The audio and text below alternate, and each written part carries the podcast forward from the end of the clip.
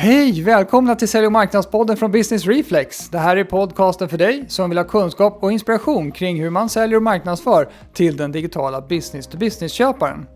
Idag har jag ännu ett sånt här härligt intervjuavsnitt. Jag har intervjuat Ann-Marie Palm som har skrivit boken Business Behavior. Eh, vi ska prata om just det, affärsmannaskapet och hur man behöver uppföra sig i sina affärsrelationer för att lyckas helt enkelt och inte hålla på att tappa massa kunder i onödan. Med det, över till intervjun med näringslivets Magdalena Ribbing, Ann-Marie Palm. Ja. Ann-Marie Palm, hjärtligt välkommen till Sälj och marknadspodden. Tack så jättemycket. Vad kul att du kunde komma förbi. Ja, absolut. Ja, vår lilla studio här i Gamla stan. Ja, väldigt trevlig måste jag säga. Ja, tack ja, snälla. Ja, väldigt fint överhuvudtaget här. Ja. Ja. Vad kul. Vi ska prata om någonting som kallas för då business behavior. Men jag tänkte först måste du berätta vem du är för de som eventuellt inte känner till dig. Ja, jag, eh, Ann-Marie Palm heter jag. Jag är journalist i grunden och sen efter den perioden, kommersiell radio och tvs uppstart, början på 90-talet, så har jag gått över till eh, den kommersiella sidan helt och hållet och jobbat med PR som kommunikationskonsult. Eh, genom åren har jag också haft lite utflykter eh, som anställd. Jag har alltid egentligen varit egenföretagare, men jag har haft lite utflykter. Jag har startat företag med hjälp av riskkapital eh, 99 inom säkerhetsbranschen och eh, jag har också haft eh, ett jobb som vice vd inom IT-branschen mitten på 00-talet. Och sen har jag fortsatt som kommunikationsstrateg, eh, vilket är min titel numera. Mm. Jag har varit i många år och Ja, det är bakgrunden. Just det. Vad, vad, är det för typ av bolag som du jobbar med mest då? Om, det finns, om man kan säga det. Mycket IT, ja. fastighet. Um, egentligen en otroligt bred flora. För att jag hjälpte under fem år så hjälpte jag företagsledningar i hela eller i Mellansverige, inte hela Sverige, Mellansverige med att ta fram eh, den externa kommunikationen. Ja. Så jag ledde runda bordssamtal med företagsledningar som ville bli bättre på att, att ta fram i kommunikationen det som man verkligen skulle sälja, som man kunde tjäna mest pengar på och kanske var bäst på. Och då var det faktiskt allt ifrån Cloetta Fatser till Saab och Fors. Så det var en otrolig bredd. Okay. Men jag har alltid jobbat mest med tjänsteföretag kan jag säga, inte så mycket med konsument. Nej, okay. mm. Vad intressant. Men hur kommer det sig att du har landat i det här nu med business behavior? Vad, vad, har, vad har tagit dig på den resan? Ja, och det beror på att 2010 då satt jag eh, och pratade just kommunikationsstrategier med en vd på ett IT-bolag här i Stockholm. Eh, och då säger han helt plötsligt, han lutar sig framåt över bordet och så säger han så här, men Ann-Marie, du som är så van att intervjua människor. Kan inte du börja göra kundnöjdhetsundersökningar till oss? Där du intervjuar våra kunder face to face, precis som vi sitter här idag. Jo, det kan jag väl kanske göra, sa jag. Och sen helt plötsligt så föll hela, faktiskt precis där och då och framöver, så föll hela affärsmodellen ut för Relationista som mitt bolag heter. Eh, där jag insåg att nu hittade jag en nisch i näringslivet där jag kan eh, ta tillvara hela min arbetslivserfarenhet från olika branscher, den jag är, utbildningar, eh, det jag tycker är absolut roligast. Så det var där det började, det var faktiskt kundintervjuer. Mm. Och, och, och då landade du i, sen, var det när du, när du sen gjorde kundintervjuerna och fick reda på saker av dem som du liksom kom fram till det här med att uppförande då var en, var en grej, eller hur, hur kom det ja, sig? Alltså, jag började göra ganska många intervjuer på en gång och det var både med mina kunders kunder, eh, mina kunders marknad, eh, tappade kunder, önskade kunder, eh, branschföreträdare eller om man skulle säg, skapa ett nytt eller starta ett nytt kontor i en ny stad, gjorde intervjuer där och så vidare. Så att det blev en ganska, jag hade, fick mycket att ta på, mycket, mm. jag hade mycket att berätta. Mina, mina rapporter är i berättelseform, eh, vilket är typiskt för att jag är journalist. Jag kan inte låta bli att skriva med lite citat och lite mellan raderna och sådär. Så att det blir rätt spännande när jag sen sitter och läser upp dem för ledningsgrupp eller beställargrupp. Men då var det så här att med tiden så hittade jag en röd tråd eh, i allt det som hade mina rapporter och upplevelser från kunder och marknad. Eh, och det var det att många gånger när man tappar, tappade en affär eller var på väg att tappa en affär så berodde det på att man faktiskt inte uppförde sig affärsmässigt. Mm. Man trodde att man gjorde det. Man var faktiskt helt övertygad om att det här med som jag har valt att kalla business behavior, det följde med automatiskt. Men det visade sig att det gjorde inte det. Och sen började omvärlden reta sig på saker.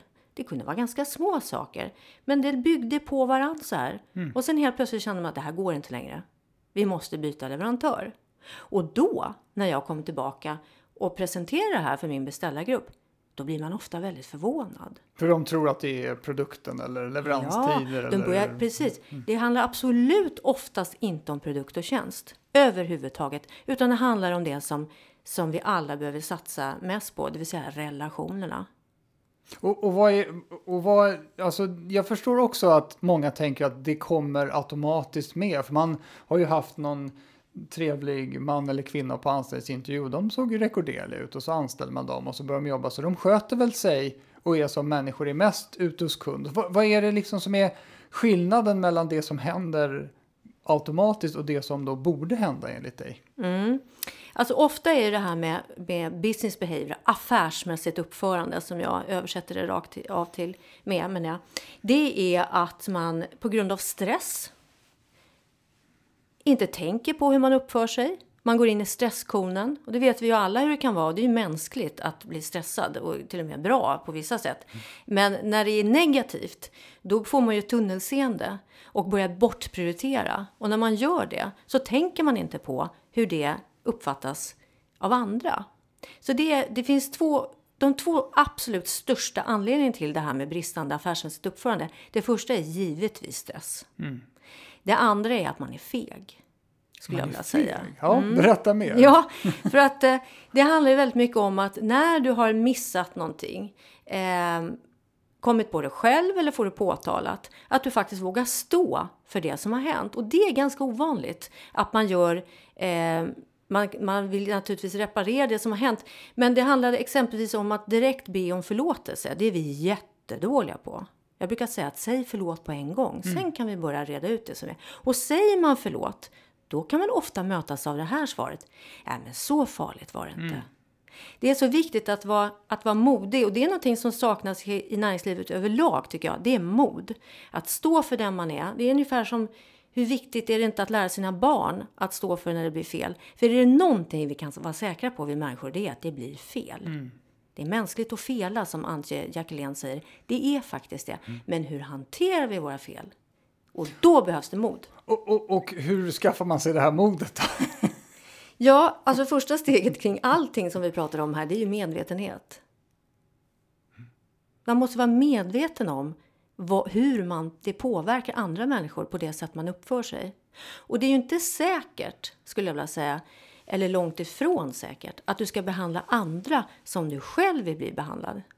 Jag fick höra i början när jag hade startat mitt företag att Ann-Marie Palm, ja men det är ju hon som har startat bolag som jobbar med sunt förnuft. Absolut, säger jag. Men vad som är sunt förnuft för mig är inte alls säkert att det är sunt förnuft för dig. Nej. Och det är precis samma sak när det gäller hur vi bemöter och behandlar varandra. Det är inte alls säkert att du vill bli behandlad på samma sätt som jag utgår ifrån att du vill, för att jag är sån. Men hur ska jag veta hur du vill bli jo, behandlad då? då finns den, ma den magiska regeln, nyckeln, det är att fråga. Okay. Allting som har med business behavior att göra kan eh, utvecklas genom att du frågar. Du frågar dina kunder eh, hur de uppfattar dig. Du frågar hur de vill kommunicera. Jag menar idag, jag var på ett föredrag igår med HubSpot och vi pratade då om det här med, med givetvis att digitaliseringen handlar ju om att eh, förstå kundresan och att finnas tillgänglig där kunden är och på kundens villkor. Och det är precis det det handlar om. Det är inte alls säkert att du vill att jag har en mejlkonversation med dig kanske inte passar dig alls. Eller tänk vad många människor som inte lyssnar av sitt mobilsvar idag. Men hur ska jag veta det? Jo, men jag frågar. Mm. Men, men det, krävs, det krävs någon form av trygghet i sig själv då på något sätt. Att man, man måste ju få vara den man är också tänker jag. Man kan ju inte bara vara någon sorts amöba som ska anpassa sig efter Nej, och det är ju extremt viktigt. För det är någonting jag förespråkar är att man måste få vara sig själv. Mm. Och att det kan man eh, förmedla, tycker jag, som företagsledning genom att, att signalera, prata om och signalera hela tiden att alla är lika viktiga på bolaget. För där är det ju också någonting som verkligen behöver jobbas med. Att det finns många på bolag som kan gå, gå, vara bra, alltså vara lönsamma, men där människor mår dåligt. Och det beror ju på att de inte syns och får känna att de är lika viktiga. Och det gäller ju alla roller.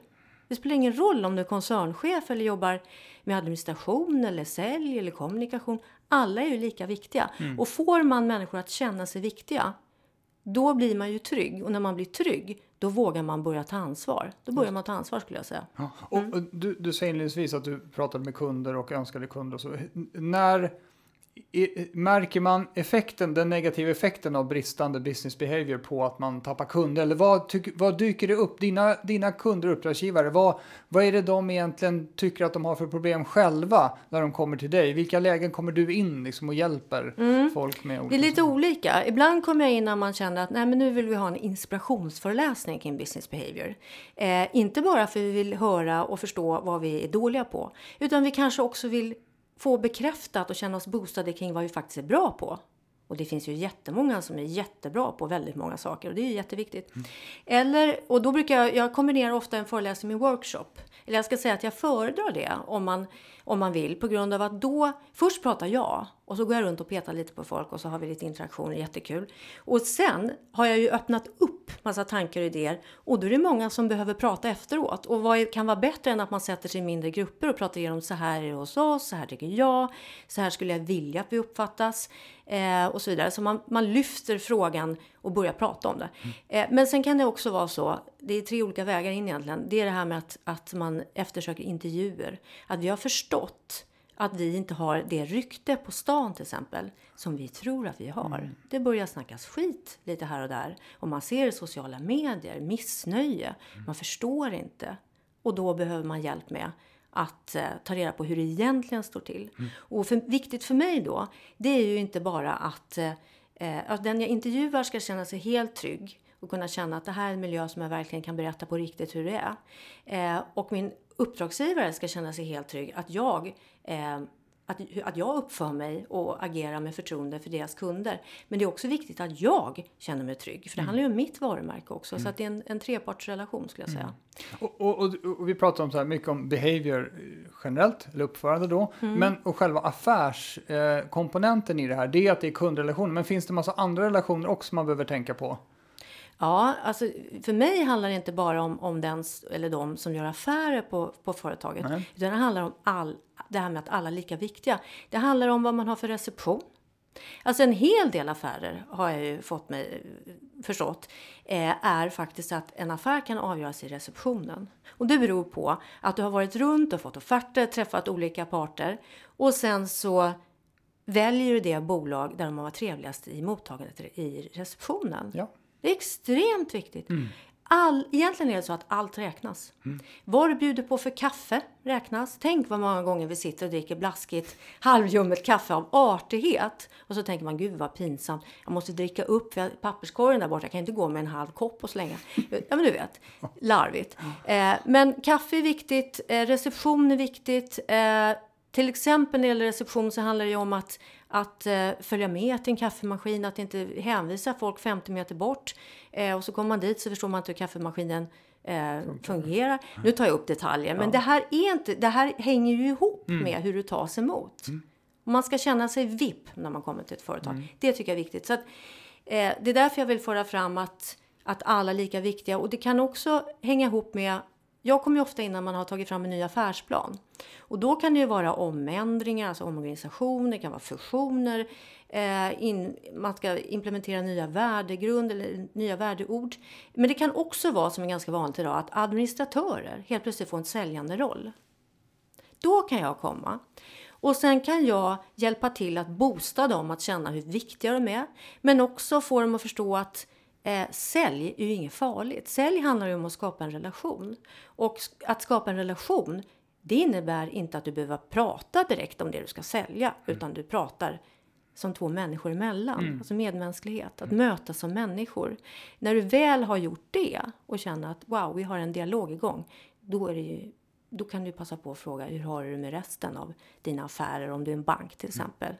Mm. Eller vad det och, och, och, vad anser du om eh, kopplingen mellan de här relationerna med yttre eh, parter om man säger så och eh, interna relationer mellan varandra på företaget? Hur sitter det där ihop? Ja, eh, när jag började då handlade det om det externa perspektivet. Vad tycker våra kunder om oss? Eh, men sen ju mer jag håller på så är det till och med en specifik, eh, en specifik föreläsning nu som vänder sig internt bara. Mm. För det är så enormt stort eh, ämne hur vi behandlar varandra. Och Eh, jag är ganska förvånad faktiskt eh, över hur otroligt illa man behandlar varandra på företag. Lönsamma bolag, folk behandlas inte väl och man trivs inte. Eh, så att jag skulle säga att det är minst, om inte än mer viktigt. Jag ska inte värdera det olika, men det är så extremt viktigt det här interna business behavior mm. som behövs. Och där har jag exempelvis också kommuner nu som kunder. Och det kan jag säga att det är jag också lite förvånad över, att man går och pratar business behavior på kommuner. Mm. Samtidigt är jag glad för att de har ju verkligen skärpt till sig, på att säga, och spottat upp sig i kommuner eh, och börjat inse det här med attraktionsvärde, att locka till sig både näringslivet, att eh, man har sina internkontor som kunder faktiskt, eh, och för att motverka mobbing och så vidare. Business behavior är ju en inkluderande fråga också, om man väljer att låta personalen prata om det. Mm. Mm, för, och det är en demokratisk fråga skulle jag säga också. Ja, för jag tänker att mycket av eh, jag menar, kulturen på ett företag den formas ju av folks beteende Exakt. mot varandra och med varandra. Så att det borde ju vara där måste man ju så att säga, jag vet inte om man behöver börja där, men det måste ju så att säga komma dit till slut i alla fall. Att vi måste behandla varandra med respekt då. Ja, och, det finns ju flera bolag som, som till och med säger det externt, att vi, vi Eh, ett fastighetsbolag som till exempel säger kollegorna först. Eller Petter Stordalen som också mm. pratar om det här interna, hur mm. viktigt det är. Och att det då smittar av sig. Men för mig, om man tittar på business behavior som ämne så handlar det om lönsamhet, givetvis. Det kan vi ju aldrig komma ifrån. Nej. Och det är ju kul. Mm. Vi lever ju i marknadsekonomi. Men sen handlar det otroligt knutet till det här med välmående. För det är ju inte de som uppför sig sämst som mår bäst. Nej. Och det måste vi komma ihåg och ha någon form av ödmjukhet inför. Mm. Och då måste vi hjälpa dem också att förstå att eh, hur de påverkar med sitt beteende och kanske hjälpa dem att må bättre. Mm. Det är viktigt för mig. Och, och eh, så, kan man svara på frågan, vilket uppförande ska man ha då, förutom att det ska vara bra och affärsmässigt? Liksom? Vad, vad, är det man ska, vad är man ska tänka? Hur ska man tänka? Man ska tänka respekt. Man ska tänka respekt? Ja. Respekt, det är väl det absolut övergripande som gäller allting i mm. våra relationer. Det är att behandla varandra med respekt. Mm. Och försöka förstå eller vända på perspektiv. Ha flera perspektiv öppna. Så att du inte bara tänker på det, den du är, vad du är och vad du ska. Sitt mål som man själv har. Exakt, mm. utan vänd på situationen. Vilket mm. för, övrigt, för övrigt är mitt absolut bästa äktenskapstips. Mm. Vänd på situationen. Hur skulle du vilja mm. att det här fungerade? Eller Just det. Och, om man slänger in den lilla, den lilla ingrediensen prestige i den här soppan, vad, hur tänker du kring det? Ja, ja det får man ju faktiskt försöka släppa lite på. Mm.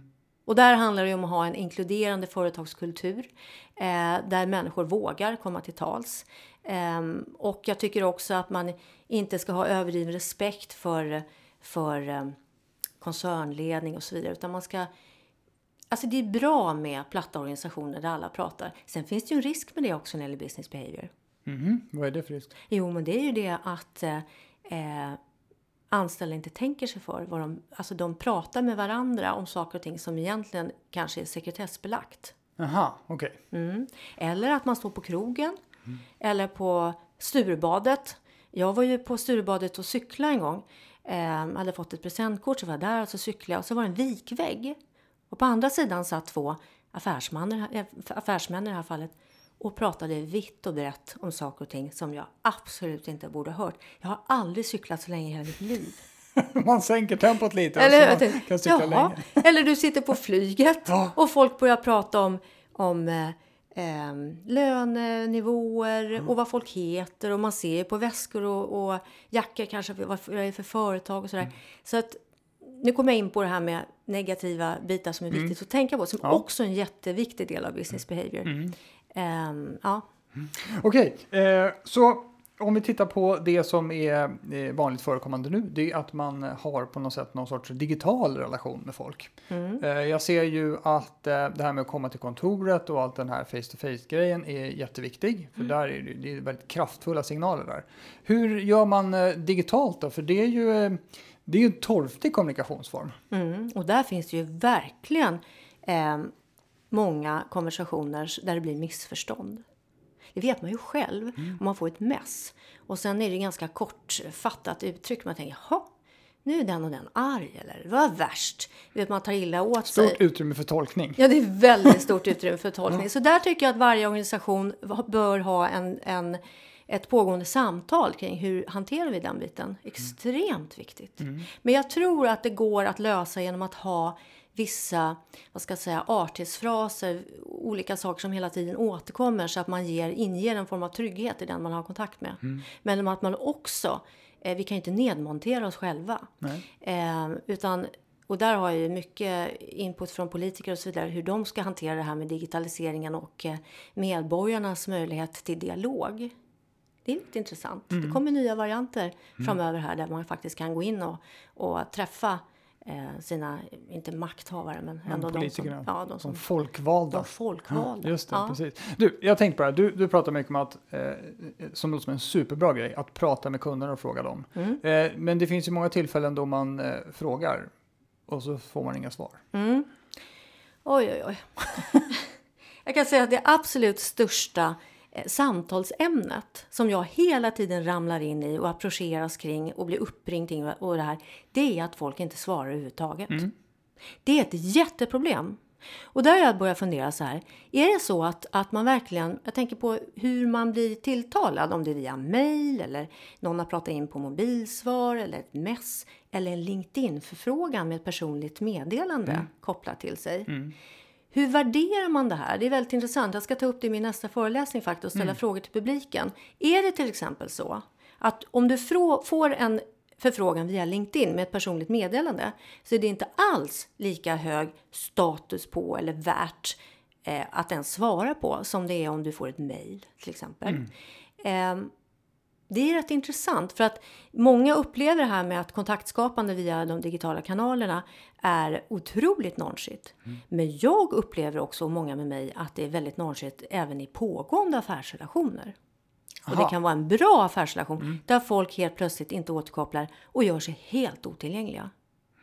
Det har ju hänt många gånger. Det, det är väl så, jag, jag, jag tänker på det här när, man, när kommunikationen upphör mellan en kund och leverantör. Det är ju oftast inte att man förlorar en kund på stört så här, utan det på något sätt glider iväg och blir Exakt. lite tystare så här. Lite feghet, Ja, eller hur? Man blir- vågar inte stå för att vi kommer att byta ut det Nej, faktiskt. utan ja. vi låter det här bero nu Ja. och så är vi ja, lite så lite låtsas vi att det avstånd. liksom bara Ja, eh, sinar iväg. precis. Ja. Men, men vi kommer tillbaka till det där. Om du, om du ehm, skulle ge lite mer tips och råd här kring hur man då får igång kunddialogen på det här ärliga sättet. Vad, Mm. vad ska man, hur ska man bära sig åt för att göra det?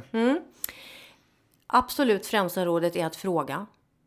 Hur vill du ha det? Hur kan jag bäst uppvakta dig?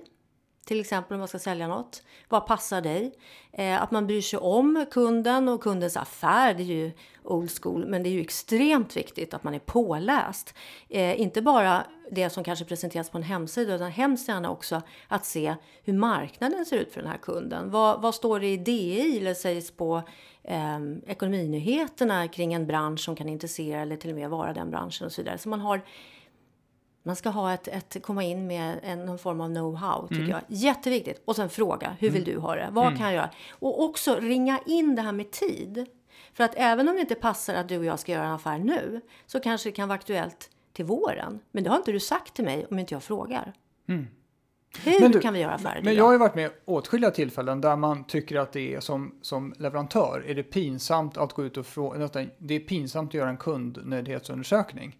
För att man på något sätt ger sig in på någon sorts spår där det finns någon känsla av att man då blottar att det kanske finns något problem här. Alltså det, hur ska man hur ska man som företag, som leverantör i ett sånt här kundförhållande komma till den punkten att man får igång en ärlig feedbackprocess helt enkelt? Ja. Från ett ganska, ja, säg det normala, ganska stela läget där man skickar ut en NPS och frågar om de kan Alltså min erfarenhet av det här, det är att eh, människor blir väldigt smickrade av att man väljer ut just dem till att få sätta sig ner, prata om relationen med sin leverantör, men också om branschen, eh, vart man själv är på väg, lite önskelista, tänk om det bara var så här och så där. Så att, eh, det är ju otroligt positivt. Mm. Och i stort sett varenda människa ställer upp och tycker att det är jättespännande att Aha. få vara med. Så att jag ser det som en, en, eh, ett lyxerbjudande om att bli intervjuad. Mm. Faktiskt. Och de flesta uppfattar det faktiskt så. Eller flesta, alla gör det. Okej, så, så det är egentligen inte så svårt då att få till det där om man Nej. bestämmer sig som leverantör. Ja, precis. Man, men det måste finnas lite mod i grunden då? Ja, men det handlar ju om att få andra att känna sig bekväma och utvalda. Ja, okej. Där därför är det så viktigt hur man formulerar inför en intervjurunda, vad det handlar om egentligen. Eh, och det handlar ju också mycket om att man ska utvecklas tillsammans som kund och leverantör. Och det uppskattas ju enormt, för då, då, då röjer man undan eventuella missförstånd, man går hand i hand lite mer framåt. Och det uppskattas ju. säga. Du har ju skrivit en bok. Ja, Vad heter den? den heter Business Behavior, uppför dig eller tappa affären. Okej. Och, vad, och vad, vad kommer man, när man läser igenom den, eller lyssnar på den som du sa att fanns på Storytel också, vad är det man får sig till livs då för någonting? Då får man eh, sig till livs eh, mina erfarenheter. Eh, erfarenheter från mina kunder, eh, från några andra personer. Jag har eh, lite olika intervjuer också. Eh, och mycket tips och råd. Ja, ganska handfast. Det är en handfast bok som också fungerar väldigt väl eh, att dela ut när jag föreläser. För då får man ju med sig en förlängning. Eh, jag ska till ett bolag jobba på nu här i september där de har fått i läxa att läsa min bok innan. Så att Ja, men det är smart, så du tvingar dem att läsa boken. det var, inte jag, det var inte mitt förslag, men det var ju kul. Jag blev extra glad då, där de har fått i uppgift, som har köpt in boken till alla Ja. först. Men, men den är okomplicerad, lättläst, för det är jätteviktigt tycker jag, eh, att man orkar ta till sig. Eh, och sen fungerar den som en, som en eh, inspiration med, med, som sagt, mycket tips och råd. Och det är viktigt för mig. Vad har du fått för feedback på boken då, när du har frågat dem Att den läser? är handfast, lätt att läsa, inspirerande och att till och med vissa människor har med den i väskan jämt. Okej, Det tyckte jag var kul. ja verkligen. Ja. Det var ju fantastiskt. Ja, Vad, vad har du för egna käpphästar som du så här, personligen för att hålla koll på ditt eget beteende? Mm, oj, vilken bra fråga. Den gillar jag. Ehm, jag är noga med allt. Och jag är väldigt noga Men du kan inte fråga. bara säga noga med allt. Jo, jag är noga med allt som är viktigt för mig. Men vi, tänk, vi tar de här stora områdena. Återkoppling. Mm. Ja, alltid. Därför antecknar jag ju allt, givetvis. Så jag ger mig själv order om vem jag ska kontakta, när och var och, och hur. Eh, på vilket sätt. Mm. Eh, så att jag hela tiden följer det. Jag är ju jättenoga med det. Mm. Eh, och det är väl jättemånga som är perfekt. Men jag gör det också. Och om det är så att jag ska återkoppla ett visst datum och sen ser jag att nej, men det går inte för då är jag i Skellefteå. Jag kommer inte kunna ringa den personen klockan 13 till exempel. Då återkopplar jag ändå innan. Det är ju också respekt. Eh, så att inte någon går och väntar på någonting och kanske inte bokar in ett möte klockan 13 för då skulle ju Ann-Marie Palm ringa. Den biten är jätteviktig. Så jag, jag tänker flerdimensionellt hela tiden. Det är, det är väl det jag kan säga overall som gäller. Ja. Perfekt. Du, eh, om vi nu skulle försöka, vi, vi har pratat om, och jag, jag tror att de som lyssnar nu fattar, om de inte gjort det förut, att det här med uppförande är, eh, är någonting som man konkret ska ta tag i och inte bara hoppas på att det löser sig. Så det, den har vi liksom satt där. Och så när vi pratat om lite grann hur man ska tänka, sätta sig i en andra personens situation och så vidare. Om vi nu ska bara försöka knyta ihop den här säcken med, om man nu är vd eller säljchef och sånt där och tänker, ja men gud, det där, gud vad bra det där var det de pratade om nu. Vad är det, vad är det man ska göra nu? Vad är nästa aktivitet? Jag tycker att man ska lyfta frågan, vet vi vad våra kunder tycker egentligen om oss? Det är en fråga man ska lyfta. Och man ska eh, våga lyfta frågan internt. Tycker vi att vi har ett tillräckligt bra affärsmässigt klimat eh, och bra medarbetarskap hos oss internt? Så det gör man på nästa ledningsgrupp eller på nästa mm, gruppmöte. Så tar man Ja, upp de här är man frågorna. modig så tar man upp det med alla på en gång tycker Ja, jag. Bra. Ja, Och men, då visar man att man bryr sig på riktigt, eller Ja, hur? Hur folk mår och har det på jobbet. Ja. Och det är kopplat till lönsamhet, givetvis. Just det. Ja. Ja, men vad härligt! Ja, Tack så jättemycket för att du var med i Sälj och marknadspodden. tack själv, var jättekul.